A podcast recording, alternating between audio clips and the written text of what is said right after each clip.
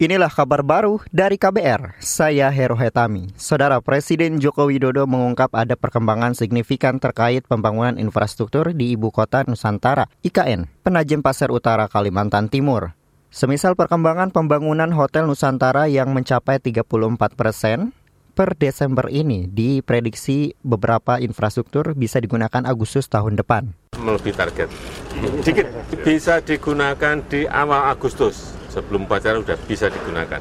Ini yang saya bilang setelah yang satu masuk, yang lain pasti berbondong-bondong. Yang lain berbondong-bondong, yang di belakang akan berbondong-bondong lagi. Dengan ini yang berbeda-beda. Ada hotel, ada mall, ada sport center, ada rumah sakit. Tapi memang progres setiap bulan harus dicek, dilihat. Jokowi berharap perkembangan pembangunan pada infrastruktur lain di IKN juga dapat memenuhi target. Menurutnya investor lokal dari Kalimantan Timur sudah masuk untuk membangun infrastruktur pendukung.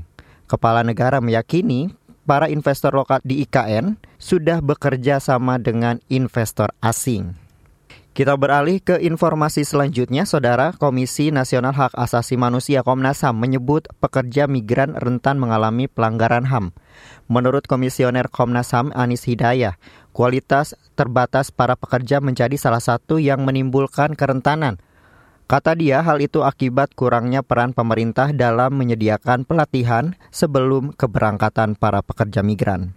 Bagaimana kualitas calon pekerja migran itu mereka rentan tidak menjadi uh, pekerja dengan SDM yang memadai.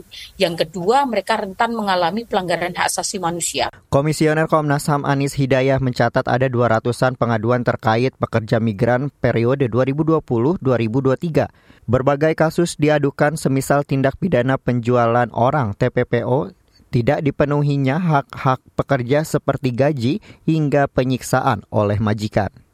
Kita beralih ke informasi lain, saudara. Kita bergeser ke Jawa Tengah. Pemerintah Kota Solo mencopot alat peraga kampanye APK Pemilu 2024 yang melanggar aturan. Kepala Satpol PP Pemkot Solo Arif Darmawan mengatakan APK yang dicopot berupa banner, spanduk, hingga baliho.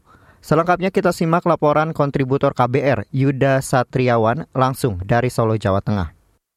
Pemerintah Kota Solo di masa kampanye ini terus intens mencopoti alat peraga kampanye atau APK Pemilu 2024 yang melanggar aturan. Kepala Satpol PP Pemkot Solo Arif Darmawan mengatakan alat peraga kampanye yang dicopoti berupa banner yang melanggar aturan.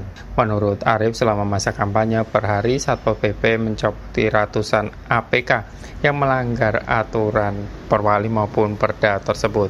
Terus kita lakukan penertiban, ya khususnya untuk daerah kawasan tertib ya dengan perhatikan tetap kita tidak ada komunikasi lagi kalau ada di situ langsung kita turunkan hanya di beberapa tempat nanti tetap kita himbau untuk teman-teman uh, partai politik uh, supaya uh, tidak memasang di pohon di lingkungan pemerintah uh, rumah ibadah dan sebagainya. Setiap hari rata-rata hampir 100 sampai 200 MMT yang banyak lebih banyak ke capres. Lebih lanjut, Arief menjelaskan pencopotan atribut kampanye itu karena dipasang di lokasi yang menyalahi aturan, antara lain di kawasan lampu merah atau traffic light, dan dipaku di pepohonan, kawasan lembaga pendidikan mulai dari sekolah dan kampus di Solo. Dari Solo, Jawa Tengah, Yuda Satriawan. Inilah kabar baru dari KBR, saya Hero Hetami.